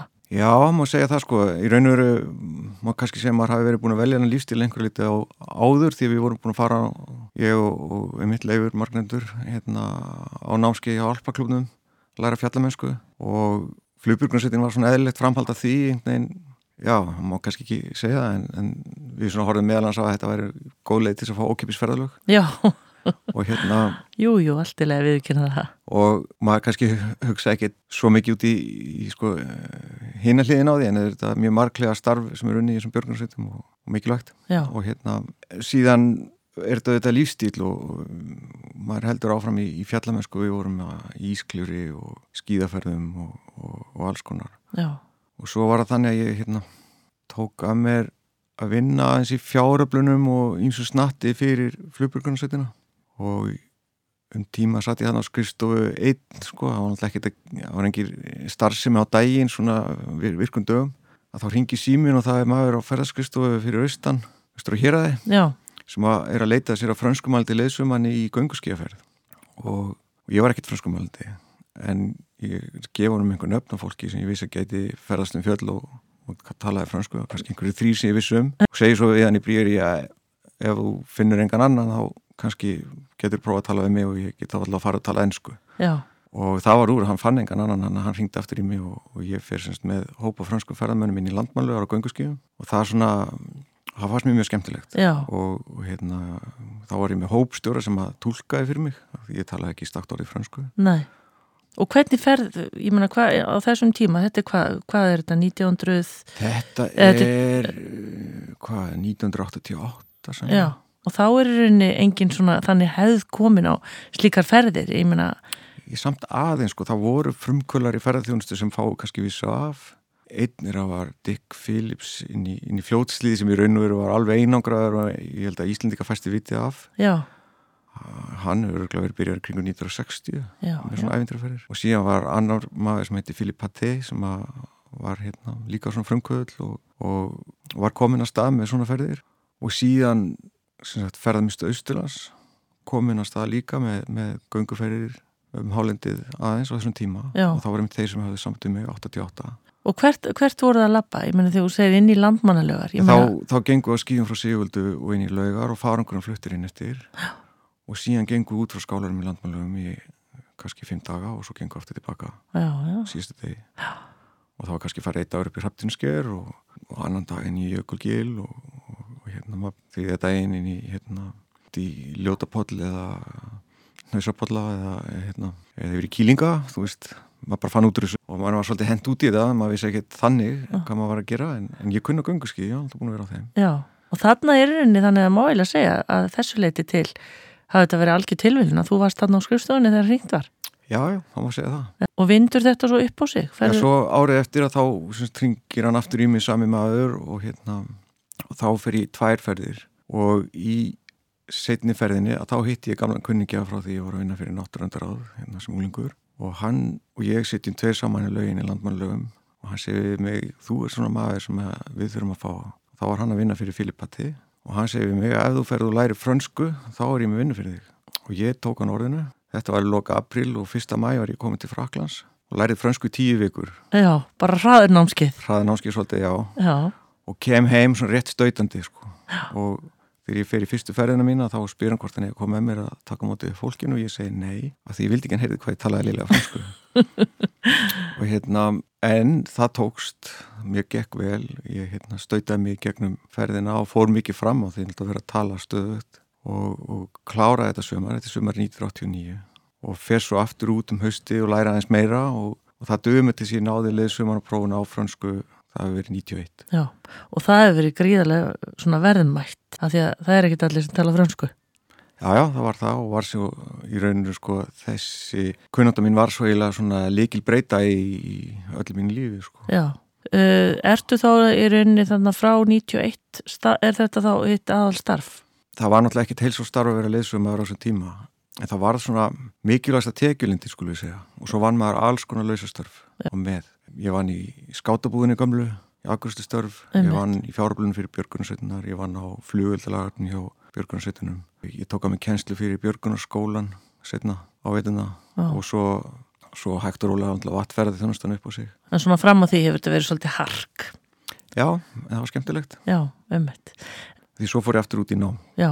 Ég fór, sem sagt, hausti 91 og fór ég til Parísar og fyrsti veiturum fór bara ég að læra franskuna betur í útlendingadeildinni Sorbonn og taka intökubrói í háskóla í Fraklandi og ég hafði verið að slugsa aðeins í háskólanum hérna heima og það verið í landfræði. Hugurinn var samt svolítið mikið í svona einhver starf upp á fjallið eða hálendinu sko. En, en þarna semst fekk ég landfræðina metna inn í landfræðina ám í Fraklandi þannig ég byrjaði þar á öðru ári og var í tvö ár í, í, í, í Sorbonn Ég held svo sem áfram svolítið að vera með hausin í, í ferðalögunum og, og hérna með. Já, en ferðaðist þú þar eða? Svona eins og í gat, þegar maður er námsmaður þá er maður svona aðeins að snýða stakkati vexti. Já. En, en hérna, mér fannst ágætt líka að vera, að vera í París sko, en, en ég fór heim á sömurinn og vann sem senlega sömur á sömurinn. Já. En svo í lokina, eftir þrjú ári í París, þá var ég svolítið treyttur. Já, en er París svona svolítið þín borg? Já, ég ég þekki mig eiginlega betur í París enþá heldur en sko í Reykjavík segir mér þá því að ég er svo lítið, lítið miðbæðamæður sko já. þannig að já, þetta, já. Það, er, er borgin og mér finnst alltaf gaman að koma þar já. en ég hef líka sagt að ég myndi ekki vilja búa þar aftur, ég myndi þá vilja búa annar staðar í Fraklandi ef ég var í Fraklandi En bara aðeins að starfi björgunarsveitamannsins af því að nú búið að vera, eins og segi oft mæðin og mikið á þeim en einhvern veginn þessi vetru hefur verið svo ótrúlega eh, bara, á einhvern veginn svona hvað ég að segja, hugsa bara hvar væri við án þeirra við getum ekki eins og ímynda okkur það hvernig eh, starfar þú, hefur starfað sem, sem björgunarsveitar, ég menn, ertu einn af þeim sem er alltaf ringt í eða? Ekki lengur. Nei, en það var á tímabili. Ég var 20 ár Já. og einhvern veginn Getur það eins svona sagt okkur hvernig líð þetta er? Ég, ég allavega var einn af þessum sem tók þetta svolítið með svona aflið þannig að ég var svona hálf giftur þessu félagi sko. maður var hérna flest kvöld vikunar eitthvað að bardúsa og og innviklaður í fjáraflanir og, og alls konar hluti ég var í undanförunum og það var nú skemmtilegt vegna þess að það var mikið unni með semst, sambærlegum hópum í öðrum björgunarsveitum þannig að við vorum mikið að vinna með svona æf okkur með öðrum björgunarsveitum Já. og maður fór oft með þeim í útkvöld þannig að þessum hópum var oft, eða þeir voru settið saman í, í útköllum. Hvað er svona eftirminnilegast frá þínu ferli sem Björgunsveita maður? Ég held að það sé bara félagskapurinn sko. veist, og svo er auðvitað ákveðin útköll eftirminnileg og, og, og sum hafði mikil áhrif á mann sko. Já, einhvað sem þú vilt nefna? Já, að fara í þessi tvö snjóflóð 95 til dæmis ég lendi nú svolítið svona óvæntu þar sko, ég var eh, þegar að hérna Súðavíkuflóðið fjall og þá var ég stattur norður á Siglufyrði og lendi nú, ég syns ég var að halda námski þar um snjóflóðið mitt á sunnudeginum sem sagt fyrir snjóflóði, ég held að hafi fallið þarna aðfaranótt mánudags. Og, og ég sem sagt e, var á mínum bíl sem var svona Toyota Tercel, fjórhjöldriðin fólksbíl reyndi að koma mér í burtu þarna á, á sunnudags eftirmyndi en, en það tókst ekki. Bara vegna veðus eða? Já, ákomi vondiður og, endan breytti viftan og bílnum úr sér og ég var dregin aftur inn á syklufjörð Já. og ég er þar inn á verstaði þar sem er verið að laga bílum minn þegar ég heyri sest, í fréttunum af þessu snjóflóði á þessum tíma, maður var æstur að koma með, taka þátt í aksjónu með félagum sínum. Hjálpa til. Já, Já. þannig að mér tókst frá að komast yfir í skagafyrun og, og hérna satt þar hjá eh, frænda mínum sem býr í skagafyrunum við eldursporið þegar ég frétti að Björgunarsveitin á sögakróki væri að fara í tógar á Siglufyrði til þess að fara vestur og ég tróð mér inn í þann hóp. Já, já og svo kom ég ljósa að það var ekki fært frá Siglufyrði þannig að við fórum frá Skagastrand og fórum með strandflutningarskipi sem aldrei hefði átt að fara úr höfninni þar sko því það var dýrvillist öður og þetta skip var enga veginn hæft í það sko. Nei, og hvað veldust þið bara þarna? Já, svo gerist það semst að við festust undir Hortbergi skipstjórun reynir að snúa skipinu við en það tómar ekki á móti vindinum þannig að við vorum í raun og veru hérna í allavega einn og hálfan sólarheng með nefið upp í vindin báturinn á semst, í fullu stími og fór ímist hálfa mílu aftur og bakað áfram sko. Varstu rættur? Nei, ég var alltaf sjóveiku til þess að vera það Já. ég bara var hálf meðvindulis að sjóveiki en, en komust þið þá aldrei til Súðvíkur eða? Já, ég komst til Súðvíkur en ég var svo eini um borðið þessum bát sem að fekk að fara þangað því að, að hérna, e, menn gerði sér grein fyrir því að, að þarna hafi verið tekin áhætta sem að var of mikil Já. og ég kannski segja frá þessu sem ekki hefur verið mikið rætt Já en þarna voru svolítið hátt í 40 mars og sögakrók og sum, sumir ungir og, og hérna og það beigð bara rút á flug nei á, bryggjukantinum og Ísafjörði þeir eru komið þar inn eftir næstu þrjá sólarhenga og allir frá sögakróki voru teknir út á flugöld og þeim að flói beint heim. Já. ég stóð einn eftir á brygginni og svo fór ég inn í Súðavíka hjálpa til að moka og svo fór ég með, með leiði frænda minni mín Bólungavík að, að skoða snjóalög og, og og, semst, og þegar að hérna, ég kom aftur til frændamins í Skagafyrði til að ná í bíli minna þá var leiðin vika. Já, hérna hér. Hefur þú gert þetta upp eitthvað neginn eða unnið eitthvað í þessu? Þetta er mikið lífsinsla fyrir unga mann. Já, en það eiginlega svona setlaðist ekki inn fyrir setna sko að, hérna, að þetta hefði verið eitthvað sérstakt sko, þessi sjóferð. Og hérna og var svona bæði með sínum spöylu hlýðum og, og minna spöylu Já. Já, ég held ég hafa nú svona gert upp en, en það hefur alveg áhrif á mig að tala um það. Já, einmitt. En hérna snjóflóðið á flateri, tókstu líka þátt í Já, þá fór ég bara með, með mínum félögum úr Reykjavík með varskvi Og það lítur að hafa verið gríðarlega lífsveinsla líka? Jú, jú, jú, það var það. Já. En vinniði, vinniði út úr svona ég menna, ég er fáiði Þarna var þetta nú ekki, það var rétt að byrja sko þessi vinna með, með svona hluti og og það var ekki kannski gert á, á þann hátt sem myndi verið gert í dag. Nei. En við heldum eitt fund með hópurinn minn held eitt fund með, með svona uh, sérfræðingi eftir svona rínifund en ég er svona sem ég held að kannski þetta hafi ekkert verið erfiðar heldur en margt annað sem við lendum í sko. En, en hérna, en, en auðvitað grefur sig eitthvað inn, inn í undi meðutunduna svona. Þannig að svona þessi tími og þessi vetur í vetur eins og þetta er búið að vera með veður og svona, þetta er svona myndi einhvern veginn svo ótrúlega á bara hvað, hvað við búum á hérna stundum í erfiðu landi Já, já, og hluti sem kom okkur óvart eins og það að fá snjóflóð yfir sko höfnina í, í flat, á flatteri sko. Já, hver hefur trúið því? Já, akkurat Gæstu minn er Einar Torfi Finnsson leðsugumæður, við erum svona aðeins að skauta hérna yfir lífans og starf til að heyra eins uh, eftir hlýðið af uh, fjölskyldinans og svona ferðanu sem hann hefur farið hérna bæði með þeim og svo líka á, á gönguskjum. Farið langt. Sunnudagsögur með Rafnildi Haldóstóttur á Rástfö. Einar Torfi Finnsson, leðsögumæður er gestu minn og við svona, já, fórum aðeins yfir hérna, uppvöxtin í Kópavóinum og svona öll þau ævindir sem hann fegst við svona kannski í, í fyrri, á fyrri helmingi lífsins, hann er nú ekki gammal maður hann Einar Torfi, en, en hérna þú sagðar okkur frá þessan miklu reynslu varandi, já, bara Björgun og svo, við nefndum hann að snjóflóðin bæði í Súðavík og, og Flateri og svo þetta, þessa skipsferðina, en svo eru margir hlutir sem eru í minninu bæði góðir og erfiðir og alls konar e, sem Björgunarsveita maður fyrir hugsaðu oft um svona hluti? Kanski bara að ég átta mig ekki á þeim tíma þegar ég var í þessu, kannski áttaði mig ekki endilega svo vel á því hversu mikilvægt það var.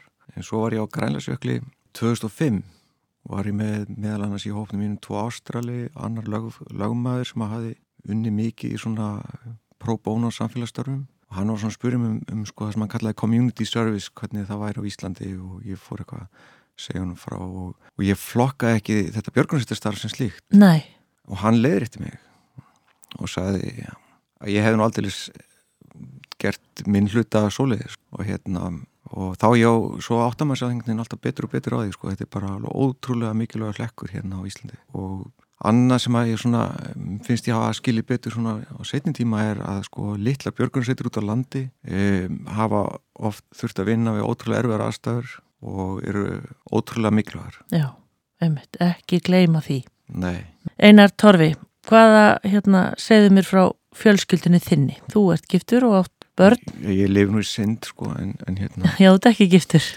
Ég bý með konu sem heitir Ingi-Björg Guðjónsdóttir og við erum búin að búa saman í 25 ár. Já, er hún útvist að kona eins og já, þú? Já, já. Það væri ekkit annað hægt. Kanski ekki en, en þurfti ekki að reyna það. Nei. Við hefum töpöld Já. Ísarörn og Helgu Bryndísi. Voru þau líka í útviðistinni?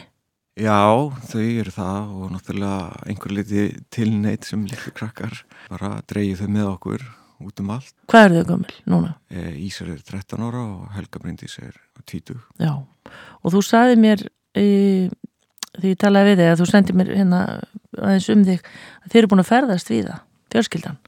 Já, við höfum gert það og, og hérna... Svona ævintýralega slóðir. Og haft gaman að því að fara stundum svona aðeins kannski út fyrir og þennan hefðbunda ferðalagrama. Já. og það kemur einhver litið til sko bæði ég og, og, og Ingi Börg um, unni mikið með franska ferðmenn við erum semst franskan leitið okkur saman því að hún er franskamældi líka og við já. kynntist þannig að við vorum að leiði segja sama fyrir stóran kvartaferðahóp og, og semst ég þegar ég var að leiði segja fór að heyra sko fólkið í ferðin talað um hvert að annað það hafi komið. Já og þá hafði margi komið í Sahara-eðmörkinu til dæmis og, og hérna, það kveikti áhuga minn á að, að prófa að fara í ferðalag til Afríku Já. þannig að fyrsta Afríkuferðin mín var til Níker í, í uh, söður hluta Sahara svæði sem heitir Ægir og hérna var óbásleiflun og mjög gaman Já. og það er svona þar sem að búa túarekarnir sem að búa út um alla eðmörkina og, og telja sér ídlasveikna því hvernig löndum var skipt upp í Afriku og svo þegar við, við eignumst Helgu Bryndísi 1999 og, og þegar hún er svona okkar mati og hann er nógu gömmul til að þælast með þá fyrir ég að taka hana með. Fyrst fórum við hana þryggjára í, í svona, svona frekar rólega færð til Korsíku en löpum mikið með hana. Fjör ára tóku hana með okkur til Nýjasjólands og þá fóru við með hann í bakbókaferðir og fimm ára þá áttu hann ammali í Jórdaníu og sex ára ammali hennar var í Timbuktu. Já. Og hérna í Mali Já. Og eru þið þá bara, þið eru ekki neinum hópi, það er bara þið? Já, stundum eins og í Jórdaníu voru, þar voru við franskum hóp, í Mali voru við bara með okkar prívatleisumann Já. Og alveg sennilega mm, er ferðin til Mali mest óglemalega ferð sem við höfum farið. Já. Tölum bæðum það. Já, já og hérna uh, bæði fólkið æðislegt og, og, og svona upplýðinu sterk sko hérna á allan hátt. Já. það var þannig í reynur sko að, að símin fyrirtæki gerða okkur greiða. Já. þeir voru ekki með reikisamning við Mali. Þannig að þegar við komum til Mali í ferð sem að, að sko franskur ferðarskristofinni minn hafi bóðið mér að, að taka hjá sér fyrir gott verð að við vissum einhverju valla neitt hvað Mali var sko, vorum bara með eitthvað prógram sem okkur hafi verið rétt og komum svo til bæjar sem heitir Mopti mm. og lendu þar og þá eru símannir ekki virkir af því að það er ekki reikisamningur Nei Þannig að við vorum sagt, klukkutíma eftir lendingu komum borðið í hérna, bát, svona kallaða Pinas á fransku, svona langur, mjór bátur á nýkarfljótinu og seildum á þrejum dögum til Timbuktu, Já. algjörlega samfagsleis. Og með badnið? Og með badnið og þetta er mesta slökun sem ég hef bara upplifað. Sko. Þetta er, maður var algjörlega bara á staðnum. Já. Segir Einar Torfi og núna er maður alltaf sítengtur og bara brjálaður ef maður kemst ekki samband hvert sem maður fer. Já, já. Þannig að hún mæli með þessu. Þetta var alveg frábært. Já. Og þegar við svo haldið þessu áfram, svo bætist sonunum við og þvælast með börn svona því að yfirleitt finnst fólkinu bara þægilegt að fá ykkur bara pössu fyrir börnin. Finnst ykkur þetta ekkit, var þetta ekkit flókið? Nei, maður er náttúrulega aðlæða sig að börnunum. Þú veist, þegar að vera að ganga þá er dagliðin náttúrulega höfð þannig að þau geti verið með. Já. Og, og svo auðvitað hugsa maður einhver litur um það. Ég meina, við fórum til Namibíu Já. 2012 sennilega. Og, og þá til dæmis eru við auðvitað með í og með að hugsa um það sko hvað þetta er skemmtilegt fyrir þau ekki síður en okkur þá fórum alltaf mikið á safariferðum þannig að auðvitað er maður aðlæðis einhver litið að þeim Já. Og passa kannski að, að þau gefist ekki upp og verði ekki þreytt og allt þetta. Já, já, ég meina, veist, ég hef búin að fá sko nóga frúni í Hamburg fyrir lífstíð sko. Já, já. Allir þessir sko leikir sem hægt er að sko vera í til þess að svona dreifa hugan Já, einmitt. þeir eru mikilvægir Já. Finnst þú að hafa svona, og þið sáð hjá þeim, heldur að þau verði svona eins og þið? Já, þau eru alltaf orðin forfallin á skýðum Já, og já, dótti mín er bara almennt mjög áhuga sem út, veist já, einmitt. strákurinn á eftir að, að sjá ljósi kannski hluti til, hann, hann líka bara þeim aldrei Já, já, já. En hérna, en að fara á gönguskíðum eins og þetta yfir Grænlandsjökul, hvað, hvað rekur fólk í það? Það er einhver svona æfintir að trá held ég sko. Já, hvernig, hvernig er svo ferð? Segðu okkur bara svona aðeins, hvernig byrjar hún og hvernig endar hún? Sko, hún, maður, maður flýður til Kúlusúk og, og þaðan með yfir til Tasilag og, og oftast þegar ég hef farið hef ég flóið síðan með þyrlu upp á jökulbrúnina á Grænlandsjökli sem heitir Hanjökull og síðan sko fellur lífið svolítið í svona í, í svona Excel-skjál sko það er, maður gengur í einn og hálfan tíma og svo er pása og svo gengur maður aftur í einn og hálfan tíma og þetta er endur tekið fjóru sinnum á dag. Já, en ég menna, er slétt, er þetta að fara upp í móti? Það er að fara mjög hægt upp í móti upp á hábungu Já, og svo mjög hægt niður þaðan og, og sem sagt, ef maður flýgur upp á Hannjökuln þá byrjar maður um 1000 metra hæð og gengur sko á 10 dögum upp í 2500 metra. Já, og, og síðan á öðrum 10-12 niður hinnum einn, svona gró, grólega sko. já, já, og þetta er svona þryggja vikna kannski aðeins þryggja, þryggja vikna nokkra daga ganga. Já. Og svo gist í tjöldum? Já og svo gist í tjöldum. Og ekki kallt? Nei, maður er sagt, með góðan búnað, mikilvægt að vera með góðan sveppoka en það er ekkit óskaplega kallt kaldast í dagurinn sem ég eða nóttin sem ég upplifa á Grænlandsjökli var 30 stiga frost, 31 en, en sko flestar nætur voru ekki svo kaldar. Nei, og á daginn er þetta oft svona millir 10 og 15 stiga frost. Það er vel viðráðanlegt sko. Í, í hérna það er auðvöld að klæða það á sér. Já.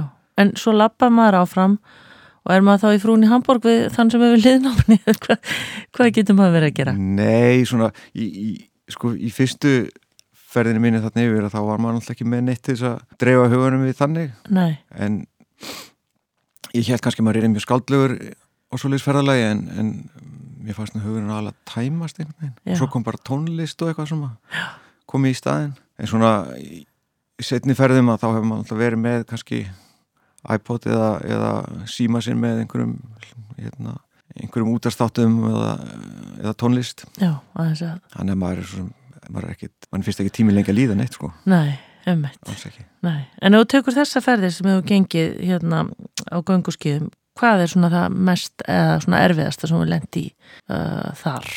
Já, ég fór náttúrulega sko í öllum þessum ferðum hefur verið leysumæður þetta hefur verið vinna mín líka sko. Og í svona löngu ferðum. Og ég fór hérna hausti 2014-15 fór ég á Suðupólinn með þrjá kalla skiptavinni frá hvaða landi? þá sem sagt flýgum maður frá Punta Arenas í Chile. Já, og voruð útlendingar Já. Já, og, og hérna og yfir á Suðurheimskvistlandið þar sem að heitir Union Glacier. Og, og þaðan flýgum maður síðan í tvinn nottur skíðavél á, á stað sem kalla Hercules Inlet. Og við gengum semst þaðan og inn á Suðupól þannig að maður byrjar um það byrja 80 gráðu og endar á sagt, 90 Já, en það er aðeins öðruvísi heldur en grænlandsjökull, það er ekki alveg svona slétt og felt mm, Ég grænlandsjökull er ekki alveg sléttur og Nei. en, en, en sagt, það er náttúrulega fyrirbæri á, á sögur hinskoslandinu sem er ennþá starra heldur en á grænlandsjökli sem eru þessar skaföldur eða sastrúkís eins og að kalla á örlundum álum Já. sem að gera yfirborðið ofta óslétt. Og það eru svæði á Suðurskjöldslandinu þar sem að þessar skaföldur eru bísna stórar. Þá þarf bara klífa yfir það segja kannski ekki klífa, maður svona að þræða sér gegnum og, og, og yfir, þetta er svona litli hryggi kannski einn og hálfur upp í tveggja metra háir. Uh, það sem þetta er svona erfitt já, það sem þetta er svona kringum meterinn eða eitthvað svolítið sem var mest af vesinni því að þá maður kannski að reyna að finna svona lagstu hryggina og þræða sér gegn. Svo er svæðið þar sem þessi hryggir eru miklu starri sko, þá verður það bara meira svo hólar og í raun auðvöldir að eiga við. En svona Suðskurslandinu er þetta, þetta miklu lengri ferð þetta voru 1130 kílometrar og þannig að langur tími það voru 57 dagar sem vorum á ferðinni. Og það er aðeins kaldara svona jafnaði í lokin og þeirri ferði þegar maður komið upp á hásléttina þar yfir 2000 metra hæð að þá er þetta svona milli 20 til 30 steg frost allan tíman sko. 57 dagar eina torfi, ég bara uh, er maður ekki bara þráum maður ekki að komast í heitusturtuna og allt þetta? Mm, Jú, jú, en samt er sko það er einhvern venst skiluru, en það var svona mér fannst alltaf svona pínu að fyndi sko. Að þegar við komum á pólinn, við vorum þarna það er þjónustu fyrirtæki sem er skanstafað ALI på ennsku og þeir semst, eru með svona lítinn kamp á pólunum til að taka móti í ferðalengum flesti sem er að koma að gangan bara síðustu gráðuna, semst 110 km til að hafa sagt gengið á pólinn og hérna þegar við komum þarna þá kemur kokkurinn úr, úr kampnum út til þess að taka mót okkur og hann segi við mig sko að við erum með te og kaffe eða viljið og ég var alveg stum og horfið á hann í smá stund og svo en, en áttu nokkuð bjór það var kannski það sem var svona góð tilbreyting þegar maður var þýrstur eftir langan dag sko. Og átt á það? Já, já, já, já. en hún dætti ekki að bjóða fyrir að bjóða En er, hérna, er það þannig að það er þetta gista þá í því eða inn í húsi eða?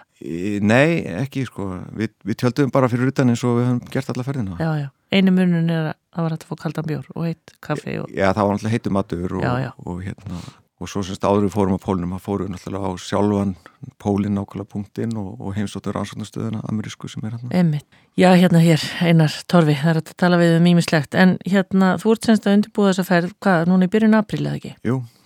Og uh, eins og við byrjum með upphafi, það er svona, ákveður velur þennan stað á, á Grænlandi? Sko ég vinn orðið í dag fyrst og næst við það að selja ferði til Grænlands Já.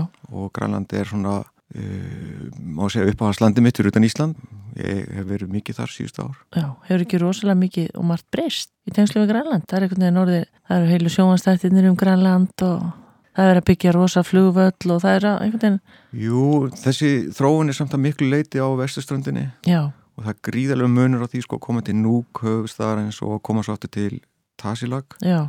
eða, eða austustrandarinnar og svona tími stendur aðeins meir í stað sko í þorpunum á austan Östugrænlandi eins og í Kúlusúka er gott fólk aðna og, og það stendur nálat sínum uppruna, þetta eru veiðimenn og það er svona mörguliti miklu meira ævintýri að vera þar. Og leiðin til dæmis sem ég ætla að ganga á skýðum er að, er að semst, miklu leiti eftir semst, já, hundasleða slóðum það er að segja að þetta er leiðin sem að hundasleðanir fara á vetuna og maður mæti kannski, þú veist veiðimanni að tveimur sko á hundasleða með tvo-þrjá seli á, á sleðanum. Og maður, sko, maður missir sko tangarhald á tímanum. Maður, þetta er bara eins og þetta var fyrir löngu síðan en maður skull ekki seli lengur hann er skotið með rifli. Já, ummitt, en, en hérna hvaða fólk fer með þér? Ég meina, hvað, ef þú veist, einhver er að hlusta núna get ég farið bara, verður maður ekki verið ykkur ofurformi og góður á skýðum og allt þetta? Það er ekki ofurformi, nei. Nei. En, en fólk þarf að vera í svona þokkalega góðu formi. Og ég er semst svo heppin ég er með hérna,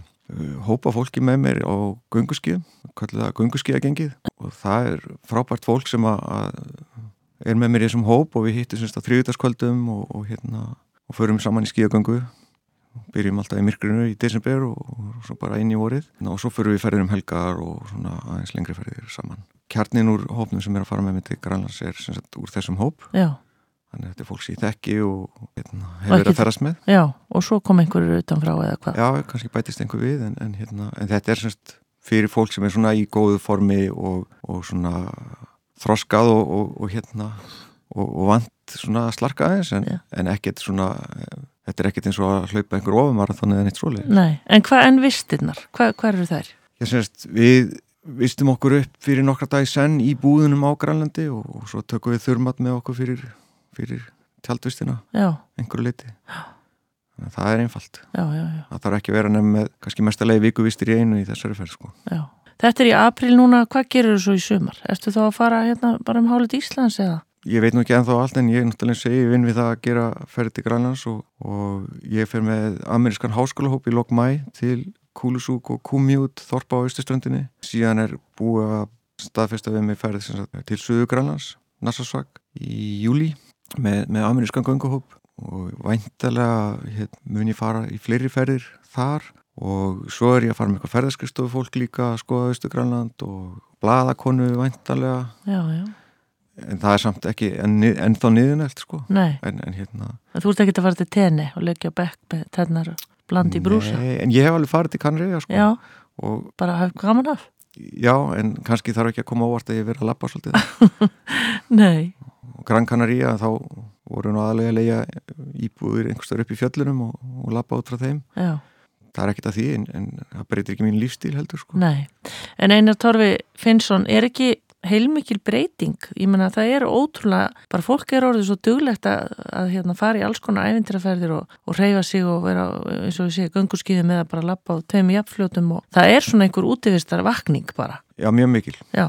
Það er frábært og bara, já, langflöstu leiti bara til, til góðs mjög, mjög mikilvægt að rekta sálunum með því að fara og reyfa sig sko. Já en verður þetta ekki eitthvað tíðan þannig allavega á Íslandi, maður veit ekki með Grænland það er svo stórt að það verður ekki þverfóta fyrir fólki Nei, og það er sko við erum alltaf í þeirri stöðu Íslandi að núna eru nokkri ferðamannastæðir á Suðurlandi sérstaklega svolítið þjættsetnir, en allstar fyrir sko þá sem að stunda útivist og gönguferðir er nóplás það er bara það sem að við erum að upplifa sem massatúrisma er sem sagt Guldfoss geysir og, og hérna Skóafoss og Seljansfoss sko. Já.